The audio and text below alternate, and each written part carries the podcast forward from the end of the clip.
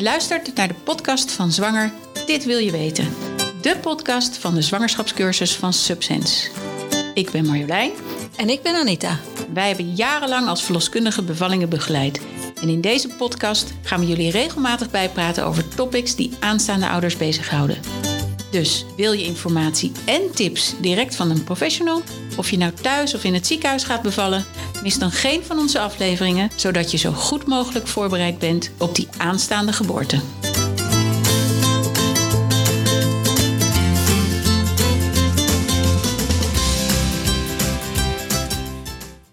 We gaan gewoon gezegd. Nou, we zijn er. We hebben hier Daphne. Daphne, Daphne Mol. Daphne Mol is verloskundige, eerste lijns verloskundige. En uh, die doet nog regelmatig thuisbevallingen.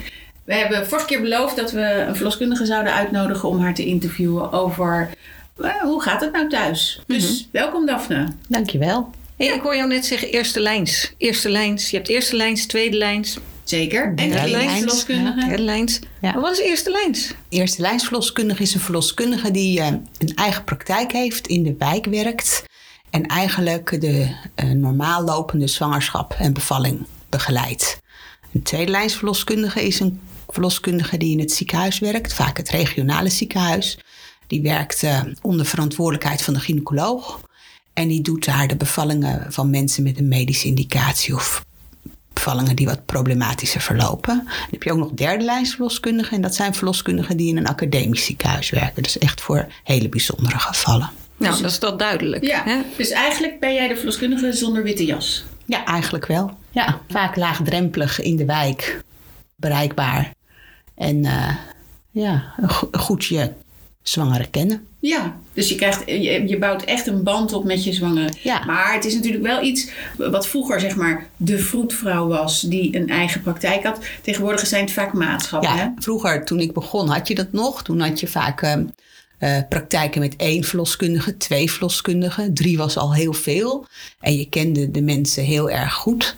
Wat je nu ziet, zie je vaak dat de praktijken vaak drie of vier verloskundigen hebben. Soms nog iets groter. Dat komt ook wel omdat het de werkzaamheden van verloskundigen wat meer uitgebreid zijn. De administratie is ook wat meer. Protocollen zijn veranderd. Maar nog steeds hebben verloskundigen in de wijk wel een enorme betrokkenheid bij hun zwangeren. En weten ze veel, kennen elkaar ook goed. En hebben korte lijnen met elkaar. Ja, even voor de duidelijkheid. Je komt bij een verloskundige in zo'n team. En dan leer je dus tijdens je zwangerschap al je verloskundigen kennen. Het is niet zo dat je één verloskundige jou de hele zwangerschap begeleidt dus. Het is een beetje soms de keuze van de praktijk. Maar meestal is het zo dat je hoe leert en dat je inderdaad alle verloskundigen die er werken leert kennen. Heb je hele grote maatschappen, dan zie je wel eens dat ze zichzelf onderverdeeld hebben in teams. Dus dat je in team A of in team B valt, zodat je van dat team iedereen kent. Ja. Het is eigenlijk zelden dat je een vreemde aan je bed krijgt. Ja, in geval van calamiteit of ziekte heb je dat heel soms, vakantie. Maar meestal heb je iedereen uh, wel ja. gezien en ken je iedereen. Ja. En hoe werkt het nou? Uh, je bent zwanger, mm -hmm. hè? je hebt een test gedaan, je bent zwanger. Wat kan je dan doen? Wat ga je als zwangere ja, ondernemen? Moet je eerst naar de huisarts of wat? Nee, je hoeft niet eerst naar de huisarts. In principe als je een positieve test hebt gedaan... Uh, kan je gewoon contact opnemen met een verloskundige in jouw buurt. Vaak uh, weet je wel van vriendinnen hè, wie een verloskundige was. Of je hebt verhalen gehoord. Je kan websites bekijken en je kan dan kiezen naar welke je gaat. Dan heb je zelf de vrije keuze in en dan bel je ze vaak op. En vaak zien ze je rond zeven of acht weken zwangerschap voor het eerst. En maken ze dan al een echo? Dat is niet altijd. um, ja, maar dat is vaak dat wat is mensen, vaak wat mensen willen. willen. Ja. Veel praktijken um, uh, doen vaak wel een echo bij acht weken. Maar in principe is de richtlijn niet dat dat hoeft. De richtlijn in Nederland is dat je bij ongeveer 10, 11 weken een termijn echo krijgt. En dat dat de eerste echo is. En niet alle verzekeringen vergoeden ook standaard een echo bij acht weken. Daar moet eigenlijk een reden voor zijn. Maar hebben ze een echoapparaat op de praktijk staan dan? Niet alle praktijken, veel wel tegenwoordig. En praktijken die geen echoapparaat hebben, die hebben vaak een samenwerking met of een echobureau in de buurt of uh, met het ziekenhuis. Of er komt iemand bij hun echo. Het kan wel geregeld worden. Ja, ja. dat is ook makkelijk te regelen. Makkelijk te regelen, Maar je, zeker. het is dus niet zo makkelijk te regelen om bij zeven weken een echo te krijgen? Nee, in principe als je gewoon echt de, de richtlijnen volgt, uh, moet er een reden zijn om uh, uh, een echo te krijgen bij die termijn. Dus dat kan zijn als je vaak miskraam hebt gehad of bloedvlies. Maar dat kan je bespreken met je verloskundige als, je, als je belt. Ja, ja. ja. ja. mooi. Ja. Jij zei je kijkt in de wijk en dan kun je daar aanmelden.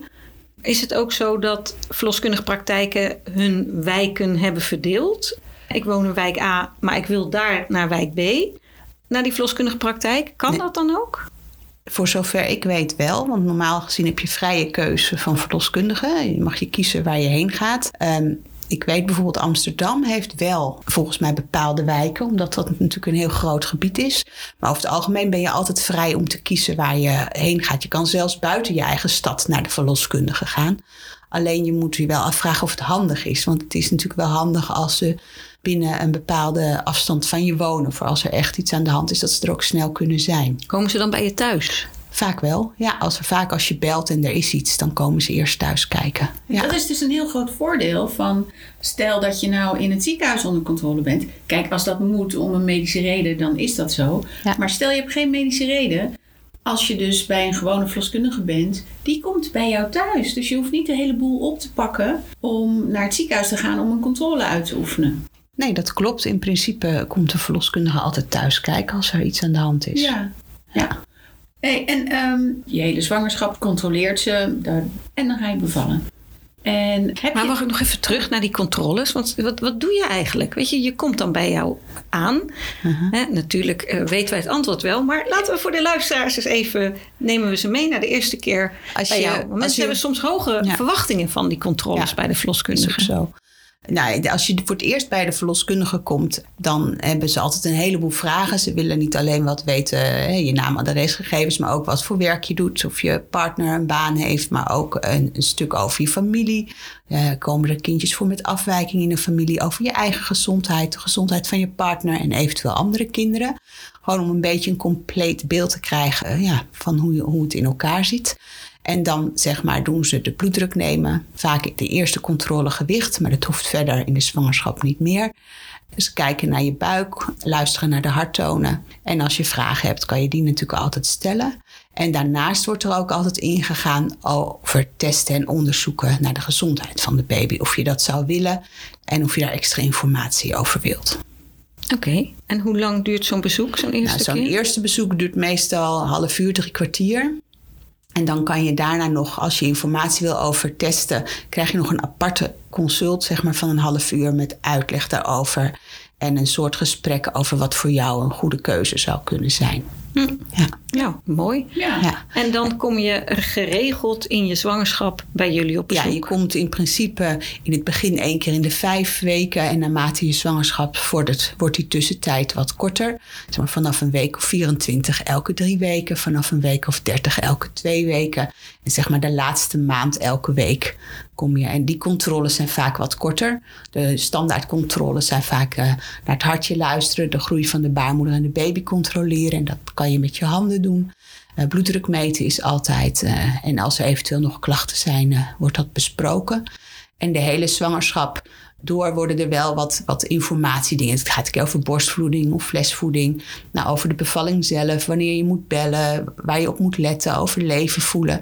Dat zit dan zeg maar. Dus krijgen wij verloskundigen eigenlijk ook best heel veel informatie. Ja. En sommige uh, verloskundige praktijken, of eigenlijk de meeste verloskundige praktijken, hebben wel een informatieavond ja. met allerlei uh, tips en uh, ja. Nou ja, advies over hoe het zou gaan. En toch hebben wij een eh, zwangerschapscursus of een bevalcursus. Mhm. Eh, is dat een mooie aanvulling op de verloskundige zorg? zeker een mooie aanvulling, omdat je niet altijd tijd hebt om heel veel informatie te geven. Je probeert natuurlijk zoveel mogelijk informatie te geven. Maar juist tijdens een zwangerschapscursus kan je er wat dieper op ingaan. En kan je ook wat meer uh, vertellen over mogelijkheden die er zijn. En omdat je het in cursusverband doet, ook met meerdere mensen, is het ook heel leuk om met elkaar erover te hebben. Zodat je ook van elkaar leert en dingen hoort waar, waar je misschien in je eentje niet opkomt. Ja, en het is altijd handig om dingen die je in zo'n cursus hoort, weer met je verloskundige te bespreken zodat jij een eigen plan kan maken voor je bevalling, waarin jouw wensen ook centraal staan. Ja, ja. mooi dat je het zegt. Wij, wij, noemen het bevalplan eigenlijk altijd het wensenplan. Want wij zeggen altijd één ding weet je zeker. Het gaat altijd anders dan de planning. Het loopt nooit zoals je plant. Nee. Nee. nee. Dus je moet ook nooit echt je helemaal vasthouden aan die planning. Want dat geeft dan alleen maar stress als het anders loopt. Ja, precies. Maar het is wel heel erg belangrijk dat je van tevoren met je verloskundige bespreekt wat je verwachtingen zijn. Want soms zijn je verwachtingen ook helemaal niet reëel. Ja. En dan doe je ook een beetje aan verwachtingsmanagement. Ja, als verloskundige. Ja, als verloskundige. Want ja, het moet allemaal wel mogelijk zijn wat je wil en kunnen. Ja. ja. maar zo leer je de cliënten, zwangeren, dus een beetje kennen. Ja. Ook wat ze willen. Um, maar stel dat je als zwangere denkt van ja, ik voel me er toch niet helemaal happy bij die praktijk. Of uh, er zijn wel dingen. Wat, wat kan je dan doen? Nou, ik zou altijd als eerste bespreken, want dat is gewoon het prettigst voor iedereen, want ook de verloskundige kan daarvan leren. Maar je bent altijd vrij om naar een andere verloskundige te gaan. Het is wel netjes dat je het eerlijk zegt, zodat zij ook zelf kunnen reflecteren. Maar het is nooit zo dat je tegen je zin bij een verloskundige of bij een gynaecoloog of bij wie dan ook moet blijven. Je hebt altijd vrije keuze om te gaan. Ja, ja. ja dat is ja. wel belangrijk. Ja. Want wij zeggen altijd, je voelt je als je je veilig voelt, ga je goed bevallen. Is zeker zo. En ja. Ehm, dat betekent dat als je daar een, een, een, drempel over moet, elke keer als je denkt van oh, dan moet ik daar weer naartoe, of uh, ze snappen het niet, dan is dat lastig. Ja, mijn ervaring is wel als je het bespreekt, dat vaak de drempel dan al weggaat. Omdat het soms helemaal nou ja, niet de bedoeling is van een verloskundige om zo over te komen, komt het anders binnen dan dat ze bedoelt. En vaak door het te bespreken haal je het weg. Maar als het blijft bestaan, zou ik zeker naar iemand anders gaan. Want ik geef je helemaal gelijk. Het belangrijkste is dat je je zo comfortabel mogelijk voelt als je gaat bevallen. En dat geldt voor degene die jou helpt. Daar moet je je fijn bij voelen. Maar ook voor de situatie waar je in zit of de plek waar je bevalt. Ja. ja. ja. daar hebben wij het inderdaad in de cursus ook over. Ja, ja dat ja. benadrukken we. En dan ga je bevallen. Ja, we zijn er eindelijk. Ja. Jij ging een beetje te snel. Ja, ik ging een beetje te snel. Ja, maar ik denk dan, mensen die dit luisteren, die zijn al zwanger. Dus die hebben dit proces misschien al doorgemaakt. Oh, maar er zijn ook zoveel mensen die net zwanger zijn. Ja, dat is waar. Ja. Oké, dus, ja, ja, ja, gelijk. Nou ja, goed. Maar de plek waar je gaat bevallen, uh, is dat een keuze? Oh, stel, hè, uh, want als je bij de eerste lijns verloskundige zoals jij bent in de wijk loopt, dan heb je geen medische reden nou, dat is niet helemaal waar, want je hebt natuurlijk um, zwangeren die wel bij de verloskundige lopen, maar die wel een reden hebben om in een ziekenhuis te bevallen. Dus daar, daar zitten in Nederland natuurlijk zijn daar veel richtlijnen en regels voor wanneer je wel en niet thuis mag bevallen, wanneer je wel bij de verloskundige in de wijk mag lopen en wanneer je in het ziekenhuis bij de gynaecoloog moet lopen. En er zit ook nog een groep tussen die prima bij de verloskundige kan lopen, maar alleen de plek van bevalling is voor hun niet thuis. Ja. En dat kan en dat is prima, maar verder als je dat niet hebt, kan je altijd kiezen in Nederland. Wil je thuis of wil je in een ziekenhuis of in een geboortecentrum of whatever bevallen. Ja. Dus als je die keuze hebt, dan ligt die keuze volledig bij jou. Ja. Is het dan ook nog zo dat je denkt, hmm, ik ben wel eens bij die mevrouw thuis geweest, maar hier zou ik liever niet een thuisbevalling willen doen? Zeker, dat gebeurt. En het is ook niet voor niets dat we een, een huisbezoek doen. Hè? Dat de kraamzorg vaak een huisbezoek doen. Soms doen verloskundigen dat ook. En dan wordt er ook echt wel gekeken naar de omstandigheden waar je woont. Omdat sommige omstandigheden niet optimaal zijn. En we ook een beetje rekening moeten houden met als er wel iets gebeurt, of je dan makkelijk het huis uit kan. Ja, inderdaad. Daar hebben wij het ook vorige, ja, vorige keer over gehad. Maar goed, dan kan je misschien een mouw aanpassen. Als Zeker. er een steile trap is, dat je een etage lager Tuurlijk, er zijn, er zijn heel veel mouwen aan te passen. Want je hoeft natuurlijk niet altijd in een slaapkamer te bevallen. Dat kan ook prima in een woonkamer. Sterker nog, een matras op een eettafel, een betere hoogte, heb je als verloskundige. Oh, heerlijk. Ja, ja, die had ik nog nooit gedaan. Nee, dat heb ik al wel eens gedaan. Ja. Maar jullie denken dan mee. Ja, dus je gaat kijken dan, en dan uh, willen ze toch graag ook thuis. Wel, soms komen zwangeren uh, zelf met die vraag van denk je dat het bij ons kan? Nou ja, tegenwoordig heb je de mobiele telefoon. Zeg ik maak eens wat foto's van je slaapkamer en van de trap. Hoe dat eruit ziet. En dan kom je eigenlijk altijd wel tot een oplossing. Ja, wat leuk. Ja. Wat grappig. Ja, je kunt natuurlijk ook gewoon door je huis gaan met je, met je camera. En dan uh, even facetimen. Ja. want je zegt, nou ja goed je moet weten dat je weg kunt op het moment dat je weg moet hè, bij een thuisbevalling. Mensen hebben altijd het idee dat dat snel, snel gillende spoed moet. Nee hoor, dat is echt niet altijd waar. En het is ook uh, wat mensen altijd denken, is dat het ziekenhuis veiliger is dan thuis. Dat hoeft ook helemaal niet zo te zijn. Sterker nog, er is onderzoek over dat dat niet zo is. Maar ik denk wel dat het heel belangrijk is dat je jezelf vrij moet voelen om te zeggen waar je wil bevallen. Omdat het heel belangrijk is dat je je comfortabel voelt. Maar thuis weggaan, dat hoeft helemaal niet altijd gillende spoed te zijn. Sommige mensen eh, eh, komen erachter dat ze het eigenlijk helemaal niet zo fijn vinden thuis. En die, die zeggen dan ook eerlijk: eh, van ja, het, het voelt toen niet goed. Ik wil liever naar het ziekenhuis. En ik vind ook dat je dat dan moet honoreren. Andersom kan ook. Hè, mensen die hun hele zwanger op zeggen: ik wil in het ziekenhuis. En die zijn aan het bevallen. En het gaat hartstikke goed. En die denken ineens: ik wil helemaal niet meer naar het ziekenhuis. Ook goed. En als er inderdaad tijdens een bevalling iets is waardoor je denkt: hé, hey, thuis is niet de plek is dat echt lang niet altijd levensbedreigend voor de baby of voor de moeder. Je hebt natuurlijk uh, mensen die pijnbestrijding nodig hebben. Nou ja, dan moet je naar het ziekenhuis gaan.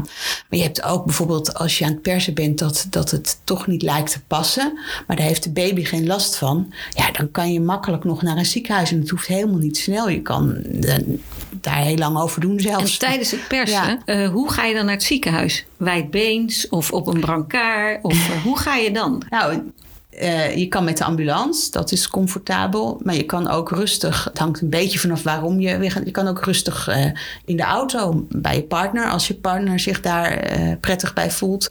Ik heb ook wel eens mensen in mijn auto meegenomen. Dat kan ook. Mm -hmm. maar tegenwoordig zijn de verzekeringen daar niet zo happig op als je als verloskundige iemand meeneemt in je auto. Vroeger kon dat makkelijker. Dus, maar ja, er zijn heel veel mogelijkheden voor. En ook zelfs als het wel wat meer spoed beoogt dan ga je altijd met de ambulance. Maar in Nederland is het systeem zo ingericht dat dat eigenlijk weinig tijdverlies oplevert. Wij hebben bijvoorbeeld in onze regio met het ziekenhuis, als het echt spoed, spoed is, een codewoord. En binnen no time staat alles klaar. Vanaf het moment dat de ambulance bij de EHBO binnenkomt tot de OK, de operatiezaal staat al klaar. De gynaecoloog staat klaar. Weet je, dus je verliest eigenlijk weinig tijd. Ja. ja, dus het is spannend. Ja, je zegt ja. appelsap. Ja, is dat het codewoord? Nee, nee. Mama, nee, ik ga het ook niet zeggen nu. Nee, maar dat werkt super. Want dan, je hebt natuurlijk heel soms wel dat het echt extreme spoed is. Nou, als je dat dan zegt, dan, dan hoef je ook verder niks uit te leggen. Hè. Dan, nee, dan kan je, prettig. Want je bent thuis ben je met de kraamzorg en de papa. En dan is er, moet je veel dingen tegelijk doen.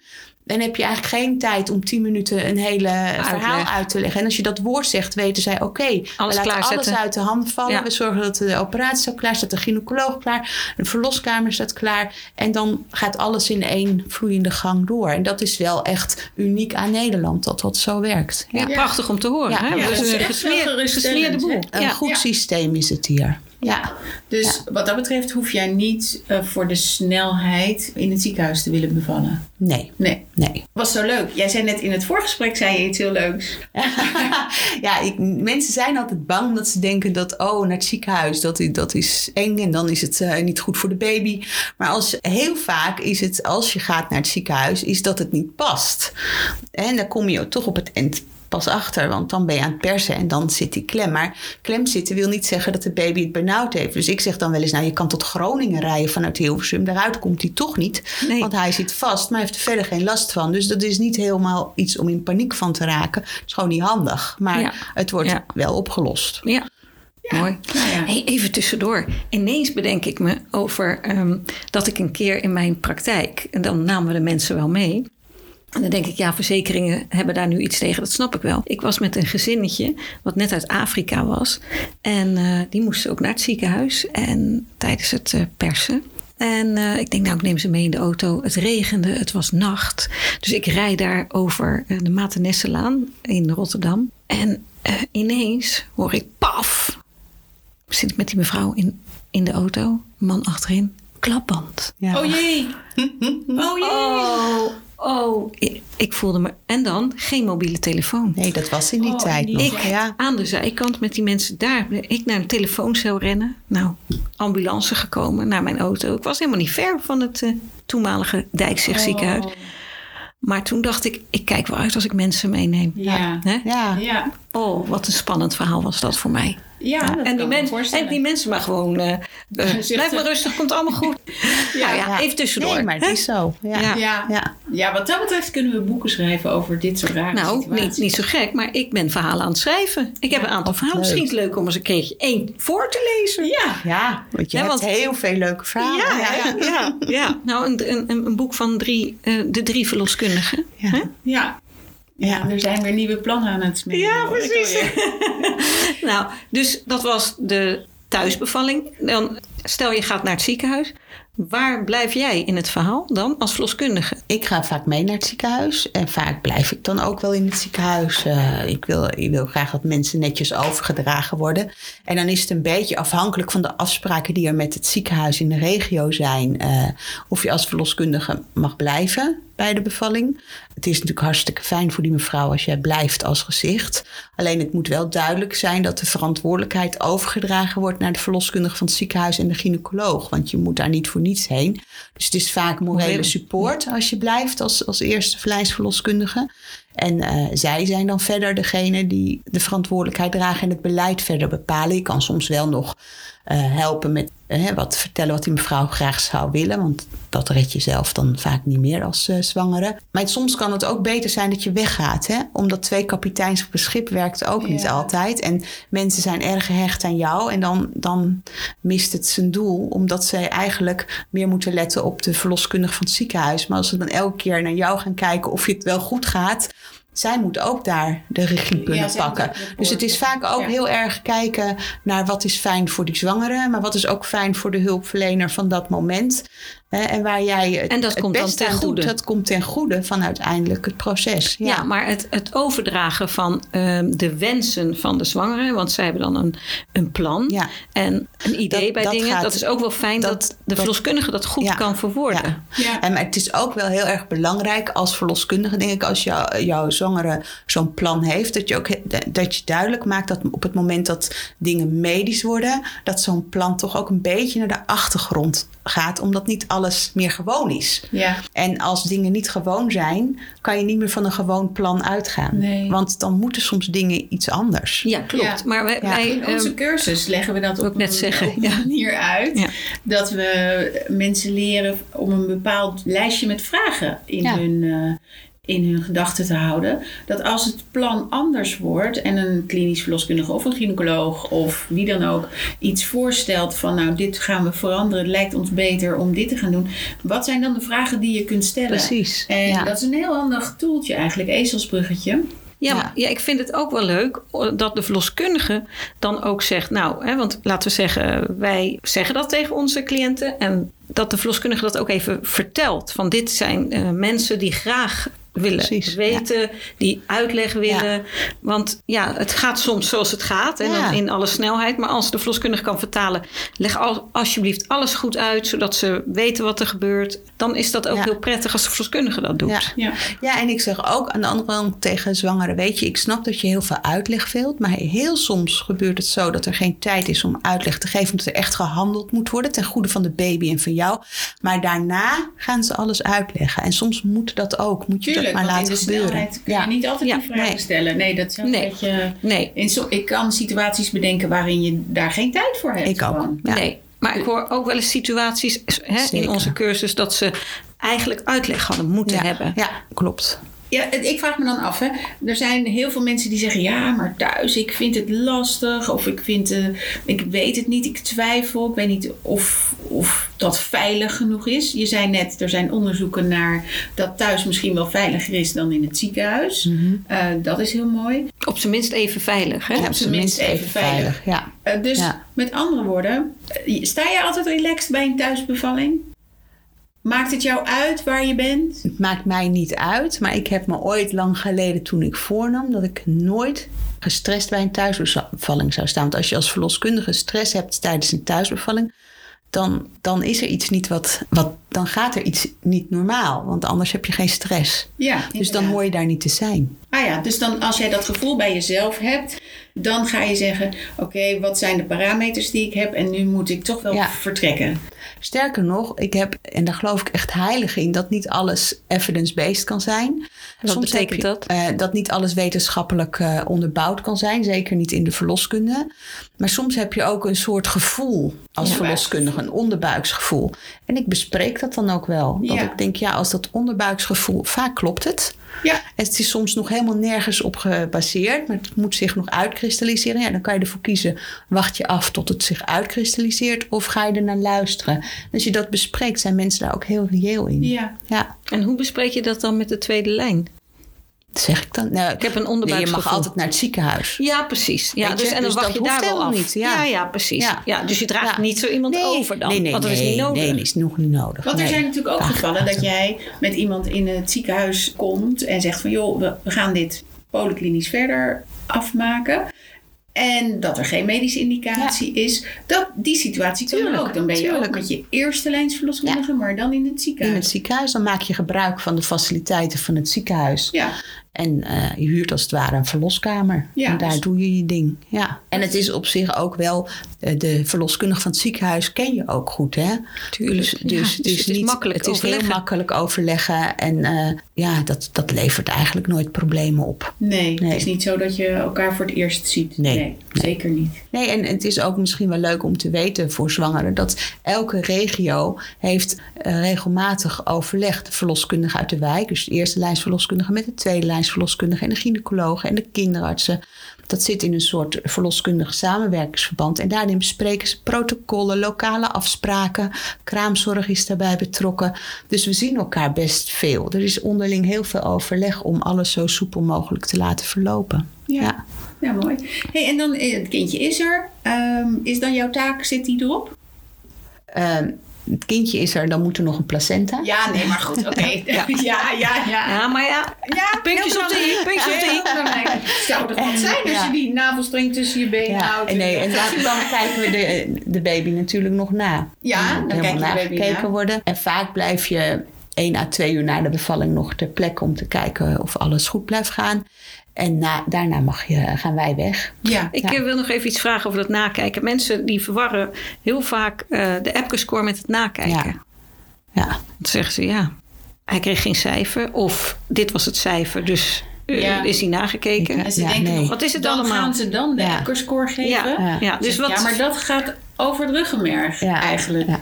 Bij de Epco-score doe je na, na één minuut en na vijf en na tien. Maar na één minuut is eigenlijk, dan ligt hij nog op de moeder. Maar dit is eigenlijk ademhaling, de kleur, is er spierspanning. Dus dat zie je eigenlijk al op het oog. Dat, Daar hoef je niet echt iets voor te doen. je hebt de baby ook in handen Je hebt de baby even aan de moeder gegeven. Dus dan voel je al hoe zijn spierspanning is. Nou ja, na vijf minuten geldt dat nog steeds. En na tien minuten ook. En nakijken is echt, dat doe je pas als je hem weghaalt bij moeder. En in principe liggen ze sowieso het eerste uur nog bij moeder. Dus dat duurt altijd nog even. En dan ga je echt kijken naar de reflexen van de baby. Uh, heeft hij een, een angstreflex, een loopreflex, een kruipreflex? Is zijn gehemel te dicht, zijn schedel goed gevormd? Bij een jongetje zijn de balletjes ingedaald. Nou ja, dat, dat zijn zeg maar vingers vingerstenen. Ja, dat, dat gaat. Ja, dat is echt het nakijken. Dan krijgen ze vitamine K. Ja, Wat als is de dat, moeder dat, is dat voor? Want dat weet ook niet iedereen. Nou, um, vitamine K is voor de bloedstolling. Bij babytjes uh, is dat nog niet voldoende. Dus dan geven ze ze na de bevalling een vrij hoge dosering met druppeltjes in de mond. Om dat, uh, ja, te zorgen dat dat goed gaat, zodat je geen hersenbloedingjes krijgt. Is dat een groot gevaar dan? Ja, omdat te veel druk op de schedel is geweest en de bloedstolling van de baby nog niet goed werkt, zeg maar. Ja, maar, ook dat is een keuze. Hè? Ja, ja, je moet altijd vragen aan de moeder: vindt u het goed dat uw baby vitamine K krijgt? Ja, Oh, dan moeten ze daar ook nog over nadenken. Nee, wat, wat ik nee, het nadeel vind. nee, dat snap ik. Nou maar wat ik voor, vaak hebben mensen dat nog niet gedaan, maar ik, je kan het vragen en je kan het op dat moment uitleggen. Het is nou niet dat dat binnen, de, binnen drie minuten erin moet. Nee, en dat is wel weer mooi van dat je uitleg kan dus, krijgen. Want uh, dus ik vind wel dat zwangeren van tegenwoordig zoveel moeten nadenken over: uh, kies ik hiervoor, kies ik daarvoor. En allemaal best ingewikkelde zaken dingen waar wij vroeger nooit over nadachten. En ik soms wel heel blij ben dat ik daar toen ik zwanger was nooit over na nee, denken. Nee, want het geeft dus ook weer veel stress. Ja, en dat is dus het gecompliceerde van deze tijd. En daar uh, spelen wij in de cursus ook weer op in. Hè? Omdat uh, we zeggen wel eens: God, die mensen van tegenwoordig zijn zo veel meer gestrest dan misschien twintig jaar geleden. Maar dit soort dingen komen er allemaal bij. Maar dat begint al. Vroeger ging je naar de verloskundige en was het leuk. Ja. Nu ga je naar de verloskundige en we beginnen gelijk een heel verhaal over afwijkingen en testen. Ja, ja, nou, dat, Is, echt, dat is eh, echt wel een dingetje. Daar hadden we het vroeger niet over. Hè? Als je kijkt naar, naar 30 jaar geleden. Niet, dus je hoefde er ook niet over na te denken. Nee, dat was wel relaxed. Het maakt het allemaal heel ingewikkeld. En de materie is ook ingewikkeld. Heel erg. Ja, en er is zoveel informatie te vinden. Niet altijd goede informatie. Dus waar vind je de goede informatie? Dat is best. Ja. Uh, ja. ja. Dr. Google heeft geen kinderen, hè? Nee, nee, helaas. Ja, hij weet een hele hoop, maar ja. hij heeft geen kinderen.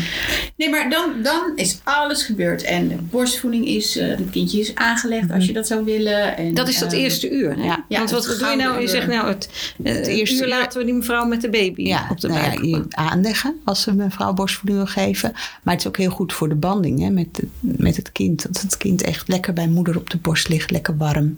Veilig gehecht. Veilig gehecht, ja. Voor de of, hechting of, heel voor belangrijk. De vader. Misschien wil de vader wel zijn borst blootmaken. En Mag ook, maar in principe proberen we dat eerste uur echt wel bij de moeder te houden en daarna papa. Ja. ja. Maar goed, er zijn situaties. Tuurlijk, als, er, als een moeder een keizersnee heeft gehad en de baby is met papa al boven, dan ja. leggen we hem bij papa op de borst. Ja. Ja. En ik vind ook met name, dat zeg ik wel eens tegen de vaders, de eerste week na de bevalling, probeer elke dag een uur met die baby op je blote borst te liggen. Want het is zo fijn.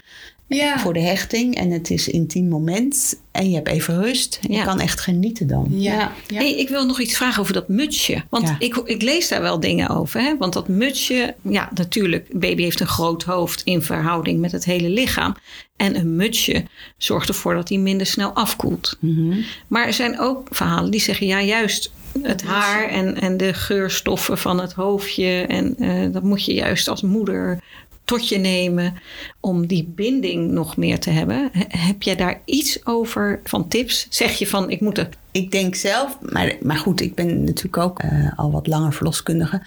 Dat als je een baby heeft, een groot hoofd, veel oppervlakte, vaak ook natte haartjes. En die, die droogt wel wat af, maar nooit helemaal droog. Dat afkoeling een groter probleem is dan het geurtje wat moeder eh, ruikt. Want de rest van de baby ruikt ook wel. Dus ik zou wel opteren voor dat mutsje. Want we zien, ik zie wel nee, dat, dat uur bij moeder, bloot op bloot. Dat is natuurlijk ook nog maar van de laatste paar jaar. Dat was vroeger niet. Maar je ziet wel dat kinderen sneller afkoelen daardoor. Dus je moet goed, als je er ook nog eens geen muts op doet, dan kan je na 10 minuten het kind Ja. wel weghalen bij de moeder. Want dan heb je een ondertemperatuur. Wat heel veel moeite kost om dat Ja, weer op ja. Ja, en, de baby komt uit 38 graden. hè. In ons lijf is het 38 graden. Dus die verloskamer lijkt wel warm met 20, 21 graden. Maar voor de baby is die nog steeds koud. En over de geur, een baby stinkt niet. Hè? Nee. Nee. Nee. Dat maar is het is ook onderbewuste geur. Zo uur op de. Wat, wat er vaak gebeurt, is dat mensen willen kijken naar hun baby. Dus jij legt als verloskundige dat kindje misschien heel ingepakt, lekker ja. ingepakt, wel bloot op bloot op die buik. Maar wat gebeurt er? Papa wil kijken en die doet het dekentje omhoog. En dat gaat. En nog. En voordat je het weet, ligt het hele kindje bloot. En als het dan ook nog geen mutsje heeft, dan is dat wel een. Ja, Ja, wat je zegt, onder afkoeling snel, eh, snel. Ja. Nou, even interessant Ja. gewoon. Hè? Hoe gaat dat dan Ja. eh, met dat mutsje? Nou, en dan zijn we thuis. Daar wou ik net al naartoe. Maar is dan, want dan kom jij ook nog langs, hè? Het is niet zo van eh, de bevalling is gedaan, kindje, weet je, mijn werk zit erop, de groeten. Nee, in principe komt een verloskundige nog een paar keer thuis eh, de eerste week, zeg maar. Vaak de tweede en de derde dag, de vijfde dag en de zevende of de achtste dag. Ook een beetje afhankelijk. Is het een eerste kindje, een tweede kindje? Ja. Hoe gaat het met de borstvoeding? Hoe is de situatie? Kraamzorg is er natuurlijk elke dag. En als het nodig is, eh, bellen die ons en kunnen we vaker komen. Maar in principe, als er iets is, kunnen ze ons ook altijd bellen. Ja, ja. Ja. Dus jouw verantwoordelijkheid is tot aan zeven dagen na de geboorte of tien. Tien, dagen. tien dagen. Ja. Ja, ja. Ja. En dan na- zes weken na de bevalling, dan komen ze nog een keer op nakontrole. Nou, ik, eh, ik heb echt wel een goed beeld gekregen van eh, wat, je, wat je doet hè, thuis. Ja, niet dat ik dat al niet wist, want ik heb het natuurlijk zelf ook gedaan. Maar het is leuk voor mensen om dat van, je, van jou te horen. Er zijn nu best wel veel ontwikkelingen in eh bevallingenland. Mhm, Ehm, je hebt zelf een dochter, weet ik. Eh, als zij ooit zwanger zou zijn, zou je haar adviseren om thuis te bevallen? Als dat zou kunnen, de mogelijkheid daar is? Dat weet ik niet. Ik zou vragen waar zij zich veilig voelt en waarom. Ja. Of dat gefundeerd is op de rechte eh, keuzes en goede informatie. Ja. Want verder vind ik het heel belangrijk dat zij bevalt waar zij zich prettig voelt. Maar eigenlijk ook, want dat is misschien een beetje onderbelicht gebleven, waar de partner zich prettig voelt. Exact. En daarom doen wij in de cursus ook zoveel aandacht besteden aan dat de partner erbij moet. Zodat hij ook alle informatie krijgt. Zodat hij ook kan weten van joh, het is dus niet zo'n onveilige situatie waar ik me ga Nee, want je ziet vaak dat partners veelal de keuze maken voor ziekenhuis. Omdat ze anders de verantwoordelijkheid heel erg op zich voelen. Thuis Ja. zijn zij degene voor hun gevoel En dat, dat is toch spannend, zeg maar. Uh, en ik denk ook dat het daarom heel goed is om het samen te bespreken. Want jij kan als vrouw wel heel graag thuis willen bevallen. En dan zeggen, ik hoor ook wel eens mannen zeggen: Nou ja, als jij dat wil, dan moet het maar. Maar dan zeg ik, ja, maar je moet het zelf ook prettig vinden. Want als jij een vreselijk zenuwachtige man naast je heeft die iets heel spannend vindt. Ja, dan gaat het niet dan, dan werkt dat ook niet goed in het, het hele plaatje. Het is ja, eigenlijk echt. Ja. En, uh, en dus voor mijn dochter hoop ik dat ze thuis kan bevallen. Want dat betekent ook dat alles goed gaat. Ja. Maar verder, als zij een partner heeft die dat doodeng vindt, nou ja, dan, dan houdt het op. Maar goed, het zou toch wel ontzettend fijn zijn als jouw dochter een keuze Zeker. houdt. Nou, dat vind ik überhaupt. Ik vind dat we in Nederland altijd die keuze moeten blijven kunnen geven. En je ziet nu tegenwoordig dat er ontwikkelingen zijn die, die dat in gevaar brengen. En dat vind ik wel kwalijk omdat ik juist een groot goed vind dat wij in Nederland kunnen kiezen hoe we bevallen, met wie we bevallen en waar we bevallen. En niet alleen thuis of ziekenhuis, maar ook in het ziekenhuis van je keuze, met de verloskundige van je keuze, uh, zodat je het voor jezelf zo optimaal mogelijk kan inrichten. En dat vind ik echt een heel groot goed. En het zou eeuwig zonde zijn als we dat zouden verliezen. Dat zou echt een groot gemis zijn, ook voor onze kinderen. Ja, ja. ja. ja dat is eigenlijk wel een mooie afsluiter. Vind je niet? Ja. Ja, ja. dankjewel. Super veel, super veel dank. En een heel mooi verhaal. Ik denk dat de luisteraars daar heel, met heel veel plezier uh, naar gaan luisteren. Dat was graag gedaan. dankjewel.